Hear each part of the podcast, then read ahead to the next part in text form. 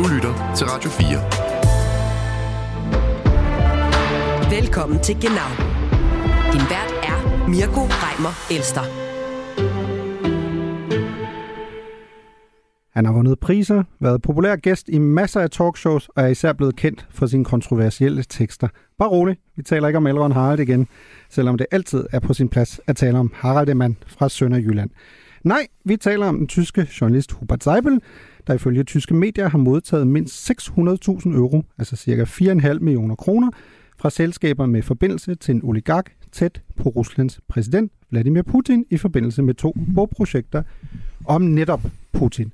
Seibel er tidligere blevet spurgt direkte, om han modtager penge fra Rusland. Her hos SWR1 Leute tilbage i 2021. Haben Sie jemals Honorare, wenn ich so direkt fragen darf, aus Russland bezogen? Honorar aus Russland? Ja. Ja. Hør, hvad uh, Seibel egentlig svarede på det spørgsmål senere her i Genau. Vi skal også tale om, hvorfor Greta Thunberg med Weekendavisens Jesper Vinds ord er blevet persona non greta i Tyskland. Og så skal vi også se, muligvis også smage, på noget, der er blevet forbudt i dele af Tyskland, nemlig Hot Chip Challenge. Velkommen til Genau. Du lytter til Genau på Radio 4.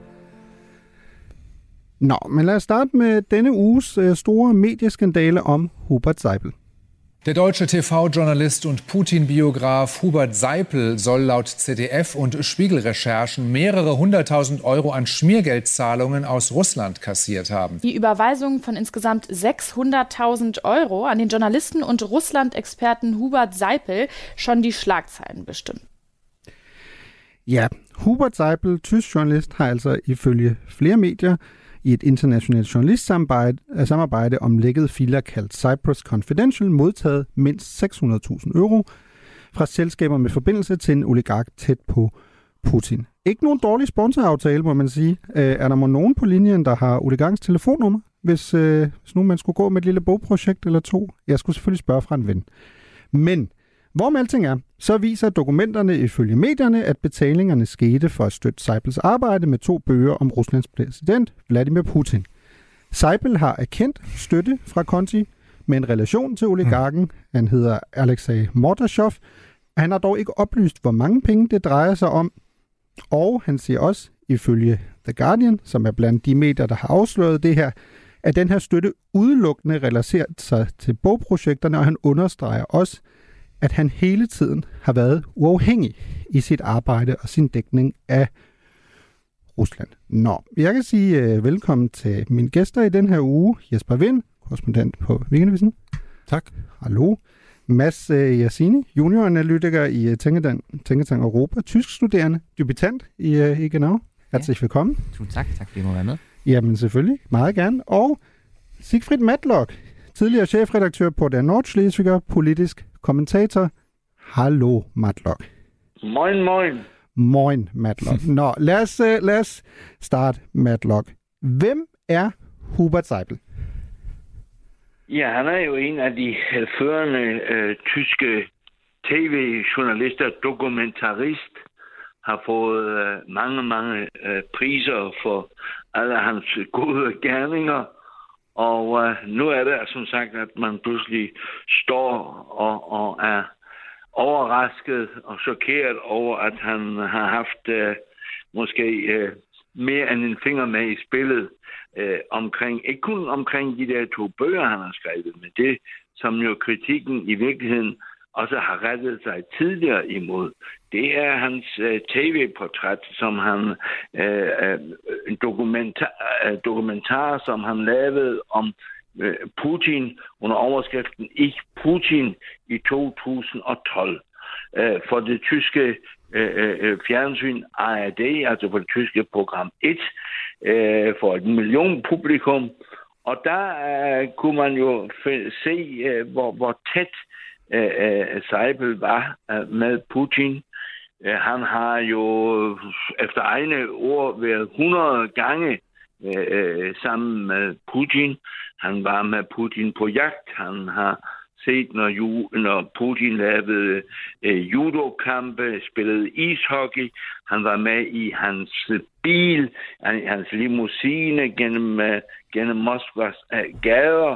Så han har været meget, meget tæt på, og øh, der var allerede, da den blev udsendt, en, en kritik øh, øh mod øh, øh, Seibel, at han som sagt havde været for tæt på Putin og for ukritisk.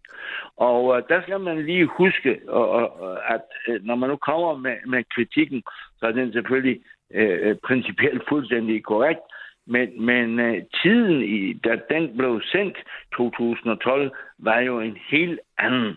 Fordi øh, øh, nok havde øh, Putin jo øh, besat øh, Krim i 2007, men, men øh, stadigvæk var det jo øh, øh, under kansler Merkel øh, en, en, en almen opfattelse, ikke kun i øh, tysk politik, men også i, i de tyske medier, altså både ARD og ZDF, at, at, at Rusland ikke var nogen ny fjende.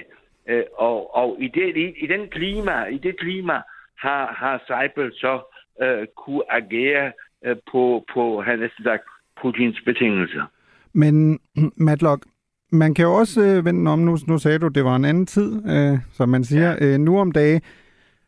Man kan vel også vende om og sige, kritikken går vel på, at han var for tæt på, på Putin. Ja, øh, og ja. det kunne man se i hans dækning. Øh, man kunne også vende om at sige, at måske har han bare taget ich Putin. Det har han taget meget bogstaveligt og tænkt, at han skal ligesom leve sig ind i det, og det er trods alt bemærkelsesværdigt at have været sammen med Putin øh, plus 100 gange, uden at falde ud af et vindue på et tidspunkt. Så, øh, så, så skyld, hvorvidt, hvorvidt kan det her også bare til at starte med? Så kommer vi til de konkrete anklager. Hvor meget kan det her også til at starte med i kritikken mod hans arbejde skyldes misundelse fra nogle af hans kolleger, der simpelthen ikke har så meget adgang til Putin, som Seibel har? Det har der jo slet ikke nogen tvivl om, at der også har været misundelse øh, øh, øh, med i, i spillet. Men, øh, men øh, Seibel har jo selvfølgelig øh, ret i, i, i et øh, grundprincip, at hvis man vil ind under huden på nogle af de der øh, øh folkelige diktaturer, Øh, øh, som Putin jo ikke blev anset øh, som dengang, øh, så bliver man jo nødt til at, at, at, at være virkelig øh, pæt, øh, tæt, tæt på. Og, og det har vi jo også set øh, øh, øh, ved andre dokumentarister. Altså lad os nu bare tage øh, for eksempel den danske øh, dokumentarist øh, Christopher Guldbrandsen, som jo har lavet øh, ganske udmærkede ting om, om Donald Trump. Øh, han har jo også været meget, meget tæt på, på Trumps øh, personlige venner for overhovedet at kunne komme ind og dokumentere det, som han har gjort.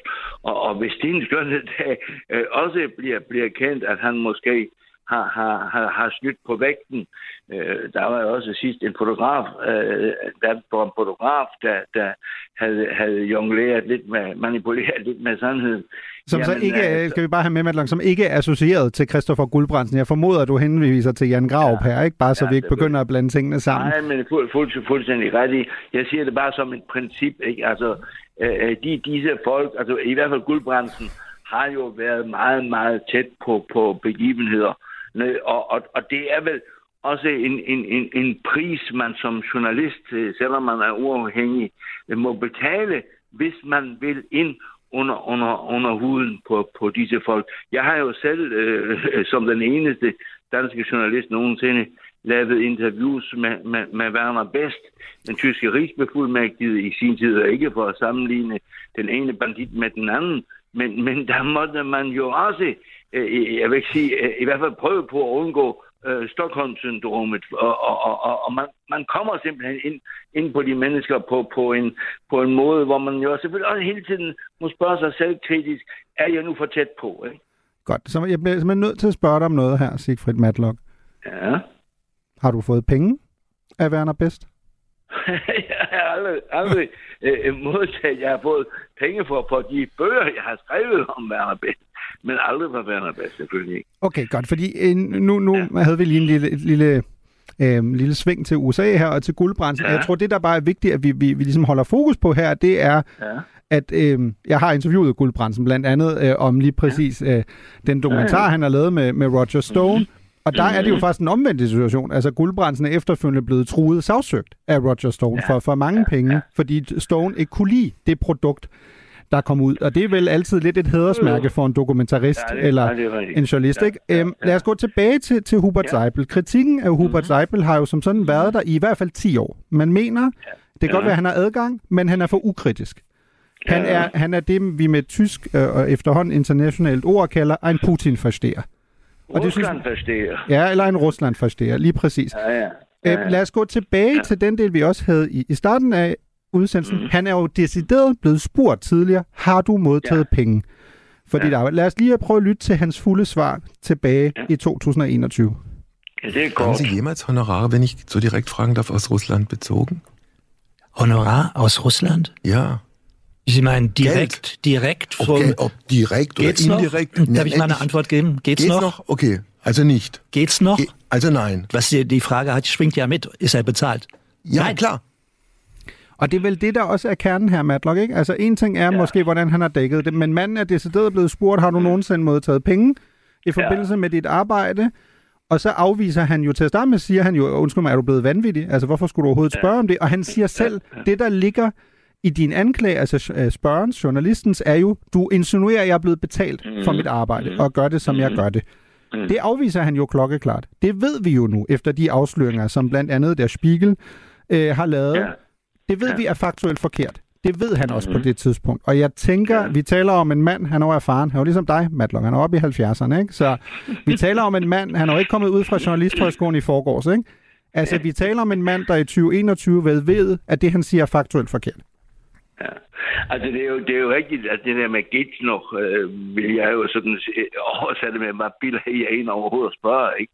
I, i, i den retning. Men altså, han har jo løjet, det, det er der ingen tvivl om. Han har jo senere, han direkte jo også givet et, et svar, der sagde nej til et spørgsmål om, om eventuelle øh, russiske honorarer. Så der har endda jo været endnu mere øh, ude på, på, på, på, på, på usandhedens øh, øh marker. Jeg, jeg synes, at, at øh, øh der er ingen tvivl om, hvis vi kigger det, mm, ser på det rent, rent journalistisk, rent fagligt, øh, så er det jo højst kritisabelt. Og det, som jo selvfølgelig også må, må, må siges at være kritisabelt, er, at en, en, en så anset tv-station som ARD øh, øh, bruger ham øh, på de præmisser, øh, altså bortset fra betaling, som de jo har kendt.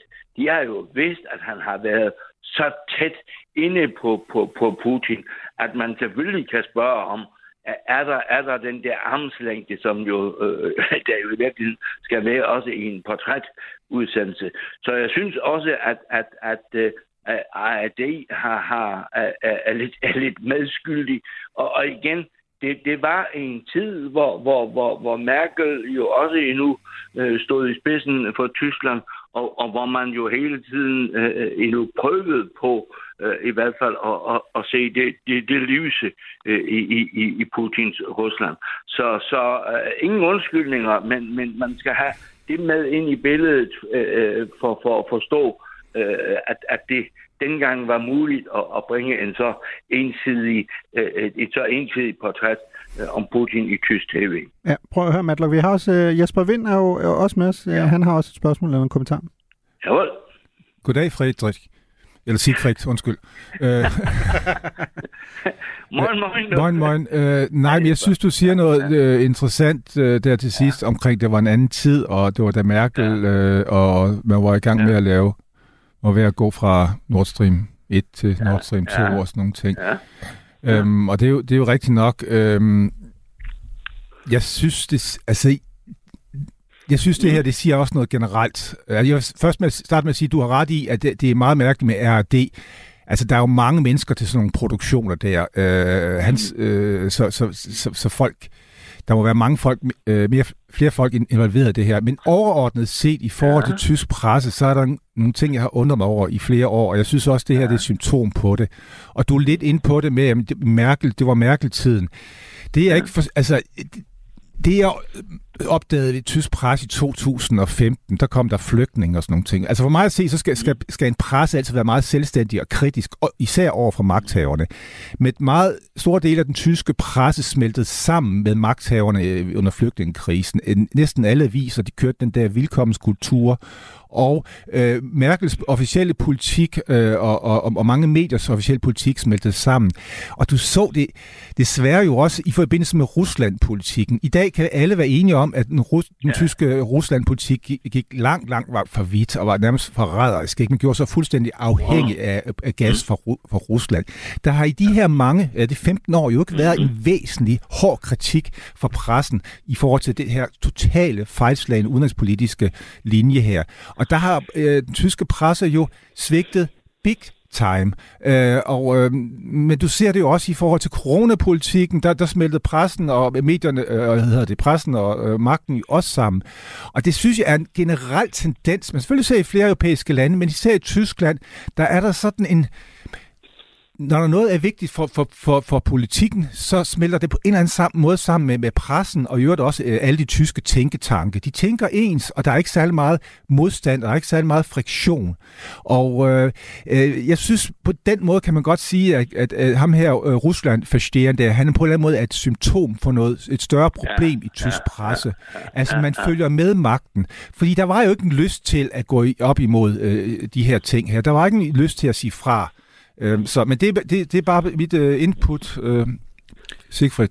Må, må jeg sige med et glimt i øjet til ja. Frederik Jasper Vind, at, at, at uh, jeg er jo helt enig i den analyse. Uh, uh, ja, man kan jo tilføje, at uh, når der i den tid var enkelte stemmer, som var kritisk over for Rusland, øh, over for, for, for Putin i Tyskland, så bliver de, blev de jo nedgjort. Ja. Og, og, og, og uden at jeg nu skal sparke øh, til Danmark, men også i, altså jeg ved godt, at der er stor, og, og jeg kender bestemt, at der er stor forskel på den danske og den tyske presse, øh, også med hensyn til ytringsfriheden og alt det der. Det behøver vi ikke at komme ind på, men, men også i, i Danmark var det jo sådan, at den, den, den danske presse øh, så, så med, med øh, ah, skeptiske øjne, når der var nogen, der rejste kritik øh, mod Rusland. Altså, øh, der for eksempel Fogh var NATO-generalsekretær og kom med de første øh, advarende øh, udtalelser, så blev han jo nærmest fremstillet som en, som, som en gammel høg, ikke? Altså, der slet ikke havde forstået noget. Så, så øh, jeg er helt enig, at, at, at den situation i Tyskland, den er øh, på mange måder endda bekymrende. Øh, det ser vi jo også i den nuværende øh, diskussion øh, omkring med udlændinge og, og hele øh, problematikken med Israel, øh, hvor, hvor, hvor der virkelig sker, som, som du fuldstændig øh, med rette siger, Jesper, en sammensmeltning en, en lemming-effekt, ikke? Af, af mediepolitik, ja. ja. ja. Men, men prøv, Matlock, hvad, hvad tror du, det skyldes? Fordi det er jo også en del af det, der sådan er lidt interessant, fordi jeg tror, i forhold til Seibel, det er jo totalt åbenlyst for alle, at nu er det kommet frem, manden har decideret fået penge til at køre bogprojekter, som allerede dengang, hvis der var kritiske stemmer, blev kritiseret for måske at være lidt, lidt ukritiske over for, for øh, Putins øh, Rusland. Det interessante er vel også, og der er vi lidt tilbage til den, din pointe om, at det var en anden tid, men ja. Seibel stod jo ikke alene. Altså, vi har jo haft de her Ej, karakterer. Altså, hvis vi tager en anden meget kendt øh, Rusland-forstærende, ja. eller Putin-forstærende, øh, Gabriele Krone-Schmalz, for eksempel. Ja. Tidligere, ja, ja. tidligere Moskva-korrespondent, øh, blandt andet for ARD. Altså, der, ja. de her typer har jo fandtes mm. i lang tid. De findes også i tysk ja. politik. Vi har jo ofte talt om Sarah Wagenknecht øh, og. Øh, AFD for den sags skyld. Steinmeier. Steinmeier, altså i forskellige oh, grader. Ikke? Øh, ja. ikke blande, blande æbler og pærer sammen, men, men, men okay. På sådan et jeg, niveau med, med, ligesom din samling ja. med Guldbrandsen tidligere, eller, eller ikke ja. helt? Nej, jeg tænker på, hvis vi nu tager, tager Steinmeier med i, i hele den pulje. Men, men der, er jo ingen, der er jo ingen tvivl om, at der er en, en gruppering i, i, i tysk politik. Øh, og, det, og det er øh, øh, øh mere i, i, end der i SPD end i CDU, der har en, en, et, et mere, øh, en mere venlig øh, optik øh, øh, over for, for, for Rusland. Øh, øh, stadigvæk øh, endda. Altså, øh, man, må, man må jo se, at, at der er, er hele den, den historiske øh, øh, proces med østpolitikken, med Gorbachev, har gjort, at, at der er sådan en, en, en, en link, en følelsesmæssig link, som, som man altså åbenbart ikke har, har kunne distancere sig klart nok fra, øh, øh, i, i, i, i hvert fald i den første periode af, af, af Putins øh, øh, skaffen og valgten. Øh, der synes jeg nu, at der er øh, en, en mere realistisk øh, øh tone, i, i, også i Socialdemokratiet i Tyskland, når jeg tænker på for eksempel øh, en, den ene partiformand, øh, Klingbeil, øh, også Scholz som sådan, de viser jo, de viser jo med al tydelighed, hvor de står, hvilket jeg i øvrigt heller aldrig har draget i tvivl hos Merkel eller Steinmeier som sådan. Men, men, men der var som sagt en, en, en, en, en nærmest en historisk forpligtelse om at redde øh, den østpolitik, som jo trods alt havde givet resultater, ikke kun for Tyskland, men også for Europa. Ja, uh, vi, vi skal ikke tale for meget om østpolitik her, her Matlock. Vi, vi har, vi har jo simpelthen en i studiet, der har skrevet en PhD om østpolitikken, og det, ja. så det, det, det, skal vi, det tager vi en anden gang, Matlock. Ja, men men ja, ja. I, noget andet her, som jeg også tror er vigtigt for ligesom ja. at sætte det i perspektiv. Zeipel siger jo nu, okay, prøv fint, I, I har ligesom fanget mig med fingrene i kagedåsen, der er kommet ja. nogle penge, men de har udelukkende været for at støtte bogprojekter. Han har jo som sådan sted ikke anerkendt, at de penge er kommet, ja. fordi han skal skrive på en bestemt måde. Ja. Hvad er det, altså, tror du, er det her toppen af isbjerget? Altså, findes der 15-20 andre tyske journalister, der også har fået støttet deres bogprojekter, som så kan komme ud og sige, jamen, det har haft nul indflydelse på min journalistik? Og hvorfor er den del så vigtigt? Altså, hvorfor er den del så vigtigt, at der er nogen, der har betalt penge, så manden kunne få udgivet sine bøger? Er det fordi insinuering er, hvis du får penge, så laver du en journalistik, der ikke er magtkritisk? Jamen altså, det, det er der jo ingen tvivl om, at der i hvert fald er, er, er tegn på, øh, øh at, at øh, det har, har forholdt sig sådan. Men, men øh, også ikke for, for at sammenligne situationen, men, men man havde jo også i, i DDR-tiden øh, mange folk, som, som, som arbejdede øh, for, for DDR, øh, ikke kun som spioner, men, men også øh, øh, øh, journalister, øh, også for eksempel langt ind i, i indflydelsesrige øh, tyske medier som Der Spiegel, som, som, som havde fået betaling øh, fra øh, Stasi og, og, og DDR. Altså, øh, det, det, det kan ikke udelukkes, og vi skal heller ikke gøre som om vi i, i pressen er, er, er de eneste rene her, her på, på, på denne klode. Øh, så tror jeg altså alligevel, vi, vi får øh, øh moralske problemer med os selv. det, det, det kan godt være, men, men Matlock, sidst jeg tjekkede, så bor du ikke i Sønderjyllands dyreste hus. Så jeg har en forventning, jeg har en formodning om, at du har aldrig modtaget 4-5 millioner, der ligesom har gjort, at du, du bor ned til Flensborg Fjord. Hvor, hvor... Det, kunne, det, kunne, det kunne have pyntet på landskabet, i hvert fald, hvis jeg havde boet det. Det har du ret i. Ja, men, men det tror jeg men, gerne. Men for at vende ja. tilbage til spørgsmålet. Ja. Tror, du, tror ja. du, at Hubert Seipel er toppen af isbjerget? Og at vi om et år øh, har en lang perlerække af andre, der er blevet kritiseret for at være for øh, venlige i deres Ruslandsdækning, hvor der også kommer til at være en økonomisk øh, forflætning? Skulle vi nu engang prøve at relativere tingene og sige, hvis, hvis, hvis, hvis det, som Seibel i sin tid har gjort, øh, øh, øh, er stort set et bestillingsarbejde, øh, er, hans, er den skade, han har gjort, Øh, med Putin, som jo i øvrigt afslutter, afslører ganske øh, tydeligt i interviewet, hvilke magtintentioner han har. Han truer jo indirekte endda med atomvåben i den udsendelse. Øh, øh, fordi han bliver jo spurgt om, hvorfor skal Vesten egentlig være bange for dig? Så vil jeg sige, at hvis man relativerer det, så kan man jo spørge, har han gjort mere skade end, end, end, end Gerhard Schröder? Jesper Vind siger nej, kan jeg se på en reaktion. Nej, altså det, det har du øh, fra, øh, ret i, øh, Sigfrid. Altså det, det er jo et bredere fænomen, og, og der har jo også været skrevet flere øh, bøger om det. Øh, øh Frankfurt ja. Allgemeine journalisten, hvad nu han hedder, Herbert Wiener, har jo skrevet en bog om hele den her Russia Connection. Og det, ja. og det, er, jo, det, er, jo, det, er, jo en, det er jo en bredere... Øh, Altså det, det er jo både medier og, og, og politik, øh, særligt over det østlige Tyskland, Mecklenburg-Vorpommern og Sachsen, erhvervsliv, mm. øh, øh, øh, tænketanke, ja, øh, energivirksomhed. Hvad? Ja. Det så vi jo til sidst også i forbindelse med Gazprom i Mecklenburg-Vorpommern ja. med regeringens basic, ikke? Ja, jo, præcis. Så, så, så, så, ja. så det er jo bredere, og det er jo, og der, øh, det er jo noget, som der bliver skrevet meget om i og gravet meget i, og der kommer som sagt bøger i. Det er lidt trist, det først kommer nu. Øh, Det havde Nå. gjort en forskel, hvis, øh, hvis ham her, øh, Putins ven, var blevet afsløret dengang. Det er jo lidt ærgerligt, at han først øh, blev afsløret 12 år efter. Ja. Øhm, så øh, men, øh, bedre end set end andre. Men det minder jo også lidt om den her Re- Relotius-affære, som jo øh, endte med teaterstykke og, ble, og blev verdensberømt af ham der Spiegel-journalisten, der rejste i USA, Genau. som også var en svindler. Ikke? Han, Nemlig. han, altså, han, han fik jo ikke penge, når han rejste rundt i New Mexicos ørken og, og talte med fiktive øh, Trump-tilhængere. Altså, så den her korruption inden for journalistikken behøver jo ikke at have så meget med penge at gøre i sig selv. Ikke altid. nej.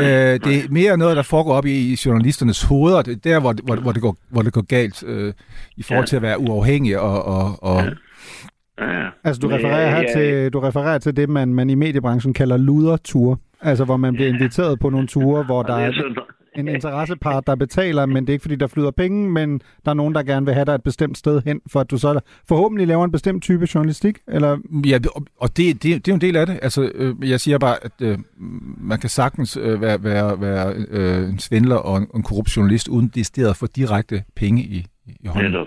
Ja, ja, ja. Jamen, jeg er enig. Altså, øh, vi, jeg vi, vi er glade, hvis man, hvis man øh, i Tyskland øh, også havde en, en mere øh, differentieret øh, øh, presse med, med større nuancer. Øh, noget af, af problemerne er netop i, i tysk demokrati, øh, og, og det er også et, et, et, et, et, et, et, et, et affaldsprodukt til fordel for AFD, at der er en, en så ensidighed i, i øh, øh, medieorientering. Øh, at der for eksempel næsten ingen forskel er på et og to. Øh, og, og i gamle dage var der jo var der jo nærmest kold krig mellem ARD på den ene side, der var mere øh, venstreorienteret, og så tæt derefter var den sorte kanal. Ikke? Altså, øh, det, det der, jeg skal ikke ønske forholdene som i USA øh, øh, øh, med, med CNN og Fox og sådan noget, men, men det, den variation, som jo findes i livet, og, og som jo også er udtryk for, for, for øh, en historisk proces, den, den, er ikke, den kommer ikke øh, rigtig til overfladen i Tyskland. Den får ikke lov til øh, at, lukke, at blive lukket ud. Og det synes jeg er en, en, en, en, en stor fejl i det, i det nyere tyske demokrati. Ja, det kan godt være, at øh, vi har brug for Vergangenheitsbevægeltung også i, i den tyske presse. Det, det, det, sikkert. det, det, det må vi tage en anden gang. Øh, status ja. øh, lige nu er jo i hvert fald, at øh, forlaget, der, der har udgivet øh, Hubert Seibels to, øh, to bøger, altså Putin inden ansigten der magt, som kom i 2015, mm. Og så ganske ironisk, øh, måske når man, eller lidt øh, tragisk, når man kigger på situationen øh, året efter Putins magt, varum Europa Rusland braucht. Det var så kort inden, at Rusland så angreb Ukraine. Men forlaget Hoffmann und Krampe øh, i Hamburg har i hvert fald trukket øh, bøgerne tilbage. Øh, og der er jo også øh, ledsaget, øh, i gang sat en undersøgelse nu fra NDR, øh, blandt andet i forhold til, hvad Hubert Seibel har lavet for dem i øh, tidens løb. Siegfried Matlock, kæmpe fornøjelse at have dig med. Mange hilsner til Sønderjylland. Grüß godt. Grüß godt og bis bald. Moin. Moin. Du lytter til Genau på Radio 4. Nå, øh, noget af et sceneskift nu skal fra, fra Rusland til, til Sverige, jo, jo mere eller mindre, øh, fordi vi skal tale om, at øh, de grønne øh, sidder jo som bekendt i regeringen, Berlin, de er blevet trætte af Greta Thunberg. Øh, Hvem skulle have troet det? Men det øh, skyldes jo så, at øh, den 20-årige svensker, som alle vel efterhånden er lidt på, på fornavn med, hun har ifølge de grønne mistet sin autoritet og legitimitet, fordi bevægelsen Fridays for Future, som hun jo er en øh, stor del af, øh, ifølge kritikken har hun haft for meget fokus på at tale om Israel og Palæstina, øh, og situationen er dernede siden 7. oktober, end øh, hun er gået op i at kæmpe mod øh, fossile brændstoffer og global opvarmning. Så nu har øh, forkvinden for de grønne, Ricarda Lang, hun har været ude og kritisere Thunberg i ret skarpe vendinger. Hun har blandt andet sagt, at svenskeren, altså Thunberg, misbruger sin platform som klimaforkæmper til at tale i stedet for ensidigt om netop konflikten mellem Israel og Palæstina. Ich finde diese Äußerungen absolut nicht nur bedrückend, sondern absolut unanständig.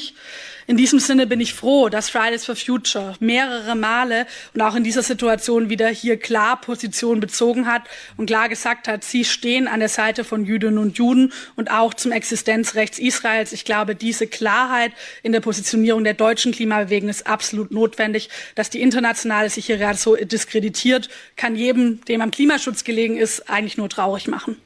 Ja, Ricarda Lang øh, siger jo, at det, hun synes direkte, det er uanstændigt, øh, hvad, hvad Greta Thunberg har, har gang i, og så siger hun jo øh, sådan kortfattet også, at hun jo med, med sin positionering her, altså fokuserer så meget på Israel-Palæstina på en, synes hun, uanstændig måde, jo gør øh, klimabevægelsen en bjørnetjeneste. Jesper Vind, du, du har som sagt skrevet den her klumme i, i weekendavisen Persona non Greta. Mm. Står det så slemt til? Altså i forhold til forholdet mellem Greta Thunberg, klimabevægelsen i Tyskland og de grønne? Mm, ja, øh, delvist. Øh, altså, når du nævner, øh, og det gør jeg også, øh, Ricarda Lang, som er formand for De Grønne, så, så er hun interessant i den forstand, at øh, hun faktisk tilhører De Grønnes øh, venstrefløj. Øh, altså dem, der måske øh, vil være mest pro øh, Greta Thunberg, hvis alt andet lige. Fordi ugen før øh, Greta, øh, Ricarda Lang sagde de her ord, der var, der var øh, Robert Habeck, den tyske vicekansler og øh, de grønnes de facto leder, øh, øh, han var ude og holde en tale, øh, øh, som øh, er nu blevet set, øh, eller blevet vist, som hvis det hedder på, på, på SoMe sprog øh, 45 mm. millioner gange. At det er en helt, et helt vild udbredelse, øh, helt vild reach, øh, den tale har holdt. Og han var også ude med riven efter Fridays for Future. Så det interessante er, at Richard Lang også gør det nu, så du har hele bredden i hos de grønne, der klart tager afstand fra, fra, fra Greta Thunberg. Og øh, at de, netop de grønne, som jo er klimapartiet i Tyskland, tager afstand. For, altså, vi skal huske på, at de grønne er Europas stærkeste rødgrønne klimaparti. Mm. Man skal huske på, at Fridays for, for Future har deres største øh, øh, udbredelse i Europa i Tyskland. Så det er ikke bare et land, tilfældigt land i den her sammenhæng. Og når, når selve partiet tager afstand fra, fra, fra, fra, fra Greta Thunberg, som er frontfigur i den her bevægelse her, så er det øh, meget, meget markant. Øh, mm. Den tyske leder af Friday for Future, Luisa Neuberger, har, har jo også taget afstand. Så hvad kan man sige? Greta er i frit fald i øjeblikket i øh, Europas største land. Så øh, så man kan roligt sige, at overskriften Persona non Greta er, er, er, er passende. Men noget andet er, og det har jeg selv gået og tænkt på lidt, og det og andre sikkert også, øh, det her med, øh, jeg har fornemmelse af, at der godt kan være en generationskonflikt her øh, i forhold til nogle af de her emner her. Øh, når man taler om tysk statsreform, og, og, og øh, ansvaret over for Israel og alle de her ting her, så er det tit no, noget, der kommer fra politikere mm. opfra ned i, i skoleklasserne, i gymnasieklasserne, på universiteterne, der har jeg lidt på fornemmelsen af, at der se, de yngre generationer ser lidt anderledes på de her ting her. Og der er jeg ikke helt sikker på, at jeg kan sige, klimabevægelsen, når vi tager de 15-25-årige, helt følger med. Øh, men det er, det er et andet spørgsmål. Mm. Apropos, og det, det synes jeg, det er super oplagt for dig, end der, Mads, Mads Jatine, junioranalytiker i, i Tænketank Europa, men du er også du læser på kandidaten på, på tyske studier. Du er en af de mennesker, der heldigvis har set lyset her i det her land, som, som, som læser tysk, forstår vigtigheden. Og det, det er vi jo taknemmelige for. Men, men jeg synes, det er en mega interessant punkt. Hvor gammel er du, Mads? Jeg er 27. 27? Det er jo okay. ikke helt pur ung. Altså. Nej, nej, men du er mere ung med de unge, end jeg, der er 37. Ja. Så du er trods alt den yngste uh, repræsentant her jeg har sådan siddet lidt og tænkt, at hvis man nu vil gå Greta Thunberg lidt i møde på det her, og jeg ved godt, hun polariserer og enten hader folk hende eller elsker hende, men altså Greta Thunberg er 20 år gammel. Okay? Det kan jo godt være, at hun måske, hvis jeg tænker på, hvor jeg var som 20-årig, ikke har sat sig ned endnu, og har lige helt har gennemtænkt, okay, hvad er de fine nuancer i Israel-Palæstina-konflikten? Er det ikke også lidt hissigt, at sådan, som ledende politisk parti på den måde at smide en 20-årig under bussen? Jo, altså det, det synes jeg i en eller anden udstrækning, det er. Og man kan sige, nu læste jeg lige tidligere i dag, at Bernd Rixinger, som er tidligere formand for De Linke, faktisk har været ude og, og, og bakke Thunberg op og sige, man må altså også kunne holde tingene adskilt, og det behøver ikke partout at være antisemitisme, al kritik af, mm. af, af staten Israel. Så, så jo, man kan godt tale om, at det er en lille smule overdrevet, men jeg synes, sagen siger måske også noget om på en eller anden måde, hvor fragmenteret i virkeligheden Fridays for Future-bevægelsen i det hele taget er. For sådan som jeg har kunne læse mig til, så har de folk, der ligesom har stået bag social media-kanalerne og sådan noget, hvor der jo er blevet delt nogle, nogle udpræget antisemitiske ting på, øh, på, på for eksempel Instagram, det er i virkeligheden ganske få folk, og det er ikke sikkert, at, at Greta Thunberg nødvendigvis, som du selv siger, Mirko, altså har, enten har sat sig ind i konflikten, eller i øvrigt ved, hvordan, øh, altså, eller har, har en relation til dem, Mm. der, der på en eller anden måde styrer de der kanaler. Mm. Så jeg synes, det siger også, så at der selvfølgelig er nu en, en splittelse ned gennem bevægelsen mellem Mm. den internationale del og den tyske. Men hvad siger du til kritikken? Fordi jeg synes, det er interessant, du bringer Rixingers pointe om det der med, at man skal skille tingene ad. Det er jo en til en kritikken, der faktisk kommer mod Thunberg. At man siger, prøv at høre, hvorfor kan du ikke lad nu være med at multitaske? Hvorfor kan du ikke fokusere på, at der er en klimakamp? Det er det, Fridays for Future står for. Hvorfor står du for eksempel i Amsterdam? Det er jo der, man kan sige, at film knækker for nyligt. Hvorfor står du i Amsterdam til en klimademonstration og begynder at komme med dine holdninger om Israel-Palæstina-konflikten?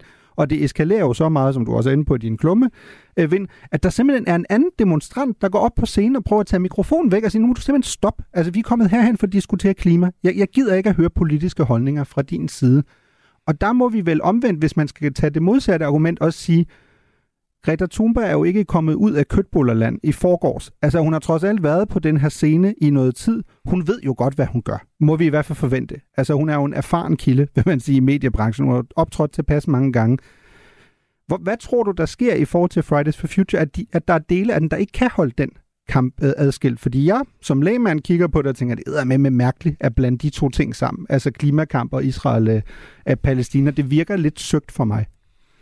Jamen, for mig virker det sådan set på samme måde. Altså, jeg synes, jeg havde heller ikke set, at det var nødvendigt nødvendigvis at kæmpe den kamp. Altså, øhm, men, men det er jo, et, kan man sige, et kendetegn, synes jeg, for mange af de bevægelser, som, som, øh, som, som har den slags sager, ligesom som mærkes af, at, at de nogle gange, altså der, der er jo nogle overlap, ikke? så jeg, det er ikke, jeg, vil ikke, jeg vil ikke sige, at jeg sådan er overrasket over, at, at Fridays for Future på en eller anden måde forsvarer den slags positioner, men, men jeg synes også ikke, at det havde været nødvendigt. Altså, jeg deler sådan set også den, den demonstrant, som, som kommer op og afbryder hende. Jeg deler sådan set også, jeg synes, det, jeg, kan godt, jeg synes, det er rimeligt nok, at man på en eller anden måde reagerer på det, når man kommer, som, som jeg forstod det, så var han rejst til Amsterdam fra, fra, fra et andet sted for ligesom at bakke op om klimasagen, og så Ja, han har taget, her. taget toget øh, 100 km sammen med 15 andre ja. øh, miljøforkæmper, nogen der i 15-20 år har brugt deres tid Ja. på at kæmpe for vandmiljøet i, i de nordlige dele Ja. af Holland.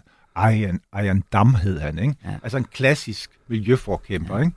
Og hans argument var jo netop det der, det skader sådan set klimaets sag. Altså det er, sådan, det, det, det er i virkeligheden ikke en god sag at tage op øh, for klimakampens skyld, fordi der så vil være mange, der ligesom mig, altså ikke mig, men Arjan Dam, øh, vil tage afstand fra det, fordi det ikke er, det, det, det i virkeligheden ikke er vores sag, Israel-Palæstina. Så, så, så jeg synes, den pointe er jo legitim. Mm. Lad os også lige høre, fordi der har jo været altså meget kritik øh, i, i Tyskland, og vi skal også, synes jeg, bagefter tale lidt om lige præcis den der splittelse, der så er mellem Fridays for Future Germany, helt specifikt, altså, hvad kan man sige, den store bevægelse. Men lad os lige tale om først, at øh, formanden for jødernes centralråd i, i Tyskland, Josef Schuster, han har jo også været ude og sagt sådan her til Welt. Vor allen Dingen habe ich mein Problem Greta Thunberg, die ja für die Klimabewegung wirklich viel bewegen konnte, bewegt hat, äh, hat nun offensichtlich ein neues Thema gesucht und will das äh, mit Klimaaktivisten äh, in Verbindung bringen. Deshalb ist meine Forderung auch an Friday for Future Germany, die sich klar distanziert haben und das erkenne ich auch an. Aber auf der anderen Seite sehe ich die Notwendigkeit, dass Fridays for Future Germany sich ganz schnell überlegt, ob sie wirklich mit Greta Thunberg unter einer Flagge segeln wollen. Äh, Ich befürchte auch für Fridays for Future Germany hat dies letztendlich negative Auswirkungen. Es wäre an der Zeit, dass diese Bewegung sich schnellstmöglich einen neuen Namen gibt. Der, der er meget, øh, vi skal tale om der. Men lad os starte med, at han, han anerkender jo som sådan, altså formanden for jødernes centralråd i Tyskland, han anerkender, at Greta Thunberg har gjort rigtig meget øh, for, for klimasagen. Men så, kom, så kommer hans analyse jo, han, han mener, nu, nu prøver hun at kaste sig ud over et nyt emne. Det, det er så Israel-Palæstina, det er som, hvad det måtte være. Men så går han jo faktisk direkte ind på den tyske del af Fridays for Future og siger, I bliver simpelthen nødt til at overveje nu, om I vil sejle under samme flag som Greta Thunberg, og også alligevel, synes jeg, ret frisk at blande sig på den måde i den konflikt. Han anbefaler simpelthen, at de skal, de skal simpelthen finde et nyt navn nu, fordi mm. ellers vil man for evigt blive associeret med Greta Thunberg, mm. øh, som, som, som han kalder hende. Altså, hvad, Vind, er alligevel ret, jeg synes ikke, det er ret hissigt sige, I bliver simpelthen nødt til at skifte navn. Ja, det, man kan jo sige, det, det er en... Uh... Det er en form for cancel culture, ikke? Øh, i en ny forklædning. Øh, nej, men altså, jeg kan egentlig godt forstå ham, at øh, i samme interview, du, viser ikke klip, du spiller ikke klippet her, men der siger han jo også, at han vurderer, at Thunberg øh, ja, i værste fald er antisemit, og i bedste fald øh, naiv. Øh, og det er klart, øh, den association øh, til øh, Fridays for øh, Future Germany, den, den, den kan de ikke have. Så, så han har jo selvfølgelig en, en pointe øh, der. Men de har jo nu også, øh, Fridays for Future Germany, de har jo suspenderet samarbejdet, altså lagt det på is. Og så må fremtiden vise, hvad, hvad, hvad der sker der. Men, øh, men, men jeg har lidt fornemmelsen af, og det, nu stiller du spørgsmål til, hvad der, hvad er der er en, der er oppe i luften her, øh, Mirko. Altså, jeg, jeg stiller mig selv de samme spørgsmål, fordi det virker lidt som om, at vi har Israel-kritik. Øh, Israel havde øh, kamp mod vandstigninger blandet sammen, og, og, øh, og jeg tænker, det næste er måske Black Lives Matter igen, og øh, der er noget USA havde, og der er så mange faktorer på spil, hvor, det ikke, hvor der ikke er en logisk sammenhæng. Men det virker som om, der er nogle brækker i, i spil i øjeblikket, hvor, hvor de her øh, bevægelser, øh, som er imod noget, øh, det, hvad er det? Altså, det har, det har noget at gøre med, at der kører nogle ting på de, på de sociale øh, kanaler, øh, YouTube-kanaler og Somi-kanaler, som, som nogle gamle, nogen som mig ikke helt forstår. Mm. Fordi, øh, hvordan, fordi, hvordan kan Israel og vandstigninger lige pludselig blive koblet sammen?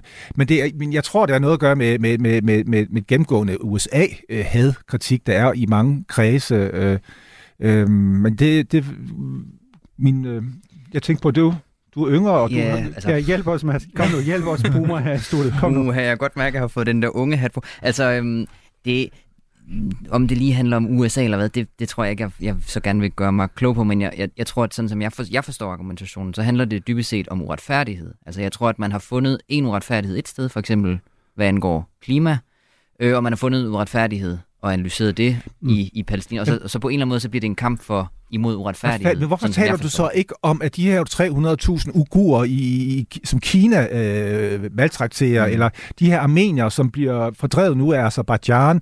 Hvad med de her 300.000 i, i Yemen, der er, blevet, der, der er dræbt af saudiarabisk militær inden for de sidste par år? Øh, øh, øh, det, er, altså, det er jo et meget centralt spørgsmål at, at, stille, synes jeg. Altså, det er jo også det, som folk stiller, at jamen, der er jo alle mulige andre kampe. Hvorfor men, har I ikke kastet jer over dem? Jeg har også svært USA ved at forstå. Ikke, det der, det, min pointe er med USA, det er, at i de, alle de konflikter, der optræder USA ikke, der, kan, der har du ikke den store satan. Men det handler vel, altså apropos det, det som I to diskuterer jo også lidt, altså du, du bliver jo nødt til at prioritere, uanset om du er et parti, eller om du er en klimabevægelse. Altså jeg har givet 40 kroner for en smør øh, i en bager i dag. Det synes jeg også er dybt uretfærdigt, fandt jeg ud af, efter jeg havde betalt. Men det er jo et, ligegyldigt, det er jo et totalt ligegyldigt emne at bringe op, hvis man vil tale uretfærdighed på et større plan. Så spørgsmålet her er vel, altså apropos, hvis man nu tænker totalt kynisk på, på situationen i Tyskland, så kunne kynikeren i mig jo tænke, ved du hvad, det kan godt være, at I synes, at det, som Greta siger, det er dumt. Det burde hun ikke. Det er net naivt. Øhm, men det er vel også potentielt et problem for de grønne i forhold til vælgermæssig øh, opbakning. Jeg tænker, der er sådan tilpas mange tysker øh, af den yngre slags, der, der godt kan lide, hvad Greta Thunberg står i forhold til klimakampen. Og, som vi også har været inde på, du var selv med i, i det program, øh, Vind, da vi talte om tysk statsræson over for Israel, vi ved jo, at der er de der 20-30 procent i den tyske befolkning, der ikke køber 100 procent ind på statsræsonen over for Israel, altså det særlige historiske ansvar, men som siger, prøv at høre, palæstinenserne lider, der er nogen, der bliver nødt til at hjælpe dem, Lang historie kort. Kan det her ikke bide de grønne i røven i forhold til, at de taber opbakning i meningsmålingerne, særligt blandt unge vælgere, ved at distancere sig så klart fra mest klimakamp. Det kan det sagtens. Også fordi vi lever i, altså vi har Tyskland i øjeblikket, som er i, altså der er mange plader, der er i bevægelse. Vi ser også opkomsten af liste Sarah Wagenknecht.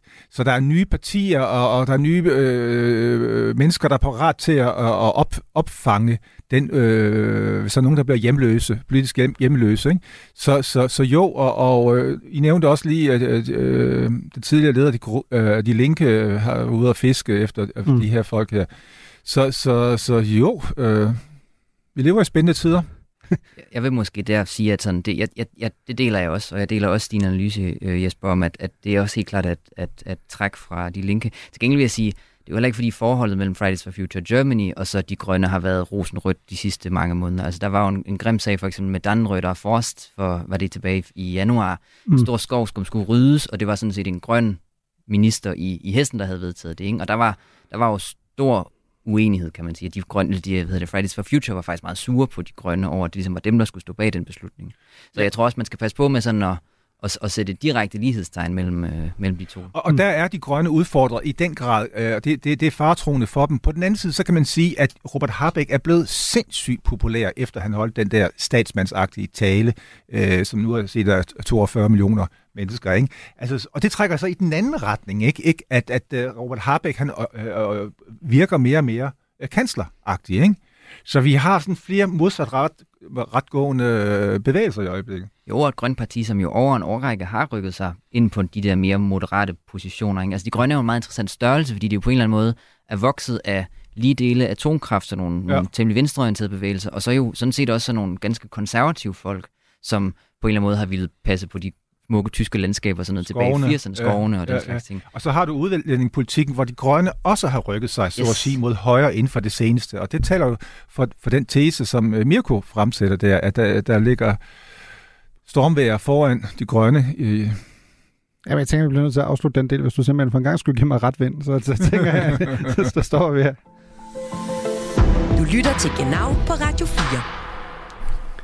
Nå, øh, igen, sceneskifte. Øh, simpelthen øh, fra, fra Sverige til, til stærke øh, chips. Øh, for, fordi historien her er jo, at øh, det er selv noget til danske medier, fordi øh, forleden var øh, Fødevarestyrelsen jo ude at advare mod en ny øh, trend på, på TikTok. Det er sådan et socialt medie, ven. Du sagde, du var ikke så stærk på det, ikke? men øh, jeg kender det øh, sikkert. Øh, og der kan man simpelthen, øh, der er der unge, der ligesom øh, opfordrer hinanden til at spise øh, det, man kalder Hot Chips Challenge, øh, som er en tortilla chip, som er meget, meget stærk. Og øh, Sundhedsstyrelsen siger, lad være med det, fordi det kan være øh, decideret livsfarligt at sætte øh, tænderne i sådan en. Øh, I Bayern, der er de gået noget videre. Der har man sagt, raus, det, det forbyder vi øh, simpelthen det her, fordi det, det, det er farligt, så, så lad endelig være. Ikke noget med bare at komme med en anbefaling, som man har, har gjort her i, øh, i Danmark, og lad os øh, høre lidt mere om øh, effekterne ved at indtage det her, den her øh, delikate og dyre, det vender vi tilbage til lige om lidt, spise. Die schlimmsten Effekte sind wie mit einem akuten Asthmaanfall zu verbinden. Also absolute Atemnot, Kreislaufreaktionen, das Bronchialsystem verengt, verkrampft sich, die Patienten kriegen die Luft nicht mehr raus, das heißt, sie können auch nicht mehr so viel einatmen und kriegen dann wirklich eine Sauerstoffunterversorgung. Ja, det, men vi hører her er ikke en eller anden tosse fra TikTok. Det er Dr. Sebastian Hellmann. Han er en læge. Han har sagt øh, til CDF, at hvis man indtager den her savnomsbundne øh, tortilla chip, så kan man, øh, man kan få åndenød, Øh, man kan også øh, få problemer med sit kredsløb, øh, kredsløb, og at det, der især kan ske, er, at man får problemer med at trække luft ind. Øh, så han, han siger bare øh, kort sagt, lad, lad endelig være med at gøre det. I ved jo, hvad der kommer nu. Vi har selvfølgelig købt sådan en her. Øh, 3 gram øh, Hot Chip Challenge. 3 gram. Stolt pris. 149 kroner. Man skulle måske have købt kokain, men øh, det er et, et andet slags øh, spørgsmål. Lad os, inden vi taler om, hvorvidt vi tør at smage den her, lad os lige tale om det, jeg synes, der er en meget interessant forskel her i forhold til i Danmark. Laver man en henstilling og siger, eller et advarsel, lad være. I, i steder i, i Tyskland har man decideret forbudt den. Mads Yatsini. En af grunden til, at vi har dig med, er, du har simpelthen tippet os om den her historie. Du synes, den var interessant for Genau, det synes vi selvfølgelig også. Hvorfor synes du, det er en interessant historie at tage op i et Tysklands magasin? Ja, altså det skal måske starte med at sige, det er jo en, undskyld udtryk, en pikant sag. Altså, om, man skal måske sige, jeg har hverken, sådan, øh, jeg har hverken prøvet den der chip challenge, og jeg er heller ikke specielt bevandret på, på TikTok, så det er ikke sådan der. Jeg er snublet over den i Spiegel. Men jeg synes, det er en interessant historie i den forstand, at det er jo netop kan man sige, for det første handler om, at det er et TikTok-fænomen, som altså er vandret helt ind i de bayerske regeringskontorer. Det er på en eller anden måde en, en kobling, vi ikke ser så tit. Og så synes jeg, det er et interessant fænomen for det andet, fordi Bayern jo så simpelthen har satset på at ville forbyde chipsen. Og man kan sige, netop i Bayern har man jo ellers en, en, en rig tradition sådan for, at alle skal spise, hvad, hvad de vil, og Markus Søtter har en Instagram, øh, sådan et hashtag, hvor han siger, hvor han siger Søtter ist, og hvor han sådan lægger billeder op af alle de ting, han har indtaget i løbet af, af dagen og sådan noget. På den måde er det sådan uh, interessant, at man ligesom er, er så valgt at gå forbudsvejen, når man i virkeligheden har slået meget hårdt på, at uh, der skal altså ikke forbydes madvarer. Ja, det, det har du fuldstændig ret i. Jeg vil bare supplere med, at altså Bayern er jo, så at sige, Tysk, Tysklands mave. Altså, det er de producerer de bedste fødevarer og så ja. videre, ikke? Og så vil jeg sige, så, så noget andet, som jeg også synes er interessant, det er jo også på en eller anden måde argumentationen, fordi som vi hørte, så er det jo, der er jo, der er jo helt tydelige sundhedsmæssige mm. konsekvenser, eller kan være potentiel risiko ved at indtage den. Øhm, men man kan sige, det argument bliver jo lidt tynd, når nu fandt jeg tilfældigvis et, et studie på, på internettet. Man skal selvfølgelig altid være sådan lidt med, hvad man læser på nettet, men et studie, der handlede om, hvis man nu hævede prisen på kød, hvor mange menneskeliv kunne man så redde i Tyskland. Og der viste det der studie, altså hvis man hævede prisen på forarbejdet kød, så kunne man redde 18.000 mennesker om året i Tyskland. Det er jo betragteligt, altså, og alligevel så vil man alligevel så forholder man sig på en eller anden måde til forskelligt til de her ting. Det er bare sådan en... Men man kan sige, at prisen er jo i den høje ende. Ikke? Altså 3, 3 gram 100, 149, så der, der har du vel allerede en præventiv effekt, medmindre du står på, øh, på, en, på en landsdækkende radio, der er public service, og som øh, får skattekroner til at købe øh, den her slags. Men pointen er vel også, altså noget af det, der også er vi har sådan en idé om, at Tyskland angiveligt øh, Ordnung muss sein øh, osv., men det her er også et fremragende eksempel på, at der er kæmpe stor forskel. Altså i Bayern har man, øh, har man forbudt det, det har man øh, for eksempel også i Baden-Württemberg og i Niedersachsen, men i øh, Nordrhein-Westfalen har man lavet en advarsel, præcis som i Danmark. Så det er vel også, som du siger, måske mere sådan et... Der er kæmpe stor regional forskel i forhold til, om man synes, det her skal man decideret forbyde, fordi det er sundhedsskadeligt, og, og du var jo lidt inde på det, Jertine. Altså, i USA er der en 14-årig, der døde efter at have indtaget øh, det her. Vi kender ikke de nærmere sådan, altså sundheds- eller helbredsmæssige øh, potentielle komplikationer, som vedkommende hedder i forvejen, eller hvad skyldes, men vi ved, at der er personer, der er døde. Eller en. I Tyskland ved vi, at der er folk, der er kommet på hospitalet, efter at have indtaget øh, måske for mange. Hvad, øh, hvorfor tror du, der er så stor forskel? Altså, hvorfor går Scholz ikke ud og holder en øh, Hot Chips Challenge øh, tale i forbundsdagen, hvor han siger, nu bliver vi simpelthen nødt til at forbyde det her? Det sidste spørgsmål der, det er ret nemt at svare på, øh, øh, øh, fordi øh, verden er i brand. Øh, han taler øh, om, om krig, og han taler om fred, han taler om øhm, øh, øh, 60 milliarder, der mangles på. Ja, mangler så det er for småt et emne. Selv Greta Thunberg vil ikke tage det op nu. Øh, nej, så det, det, det, det, det er for småt et emne til, til Scholz. Øh, øh, men jeg tror, der kan være en forskel. Nu nævner du Nordrhein-Westfalen, og altså, der, der er jo øh, generelt en, i Tyskland en, en øh, nord-syd-konflikt. Øh, øh, altså nordlige, øh, mere øh, protestantiske... Øh, ja, spiser råbrød. Ja, og, øh, og nede i Bayern har de en, en lidt mere autoritær øh, øh, stil. Øh. Mm. Ja, jeg ved, jeg er ikke forstand på det ja. Jeg skal heller ikke smage det, hvis du tilbyder mig noget. Du, du, vil, du vil simpelthen ikke. Jensine, hvad med dig? Jamen, jeg kan godt love, altså, nu skal man jo passe på, hvad man gør på, det er jo public service, og hvad man ikke gør for folkeoplysning, men altså, ja hvis vi, ligesom, hvis vi er flere om det, så kan jeg godt lukke Ah, sådan. Du tager en forholdet, mand. Det, det er godt. Fordi jeg, jeg er overhovedet ikke til stærke ting. Nu åbner jeg det her. Jeg er, simpelthen, jeg er simpelthen faktisk bange for at ødelægge det. Øhm, og jeg er også lidt undrer mig, fordi der, der er sådan et kort, der følger med her. Spørgsmål, om man kan... Øh, ej, simpelthen, der står et kort, hvor jeg overlevede. Det er sådan hissigt. Øh, apropos. Øh, så er den her. Prøv at se, den er meget lille. Ligner faktisk en størrelse med et kondom. Altså hvis man har en meget bred penis, selvfølgelig, fordi den er lidt, den er lidt bred. Men, Følger øh, der en handske med? Der er simpelthen også en handske med, Etienne. Og så er der, øh, der er rigtig mange klistermærker faktisk. Der er flere klistermærker, end der er øh, chips og alt muligt. Nu, jeg siger, jeg åbner den simpelthen nu, ikke? Altså, du kan høre, det lyder som om, jeg åbner et kondom, ikke? Åh, oh, jeg tror faktisk, jeg har knækket den nu. Åh oh, nej, Jamen, det er fint, oh, det kan vi jo oh, tage en halv lille hver. Prøv at se, den er mega lille.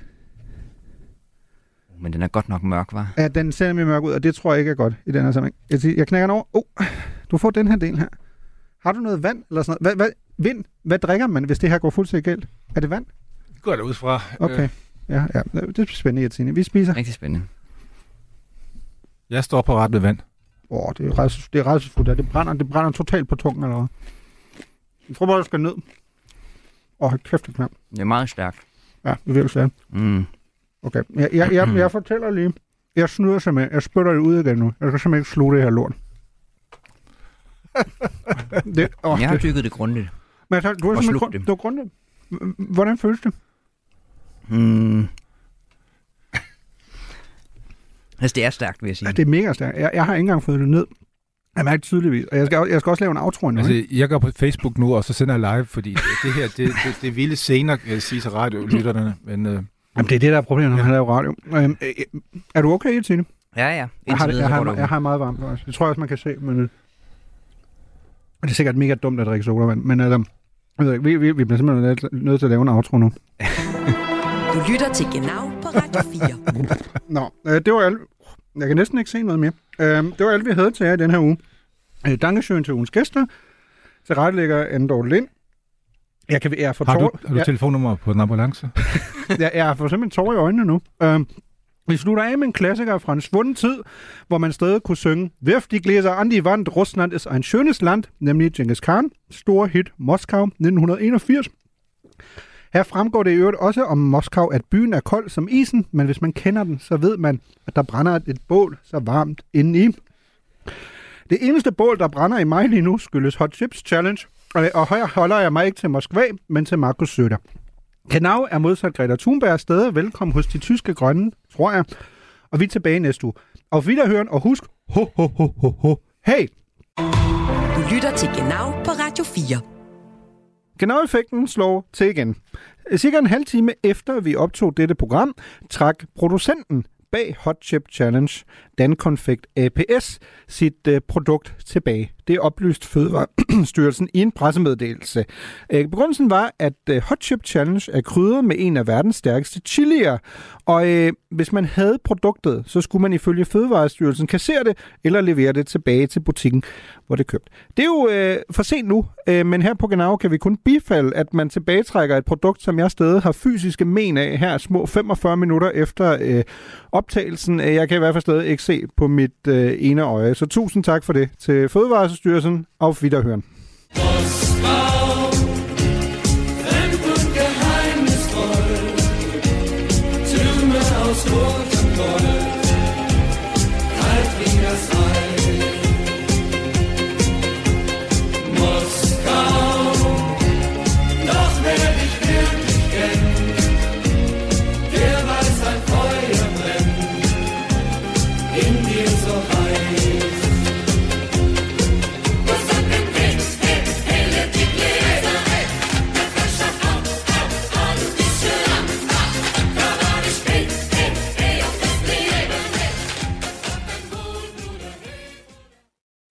Man har en død mand i et badekar på et hotelværelse. Krimiland genåbner sagen om et mystisk dødsfald i toppen af tysk politik. Der er ikke nogen som helst sådan umiddelbare synlige indikationer i retning af, om han er blevet myrdet, eller om han er begået selvmord. Genstand for genstand gennemgår Christoffer Lind og Anders Oris hotelværelset for spor. Livet er påklædt. Barsel, han har skjorte og slips på. Hvis vi begynder med at fokusere på badekarret og på livet, så har han ikke sine sko på. Han har ikke nogen sko på. Lyt til Krimiland om Uwe Barschel i Radio 4's app, eller der, hvor du lytter til podcast.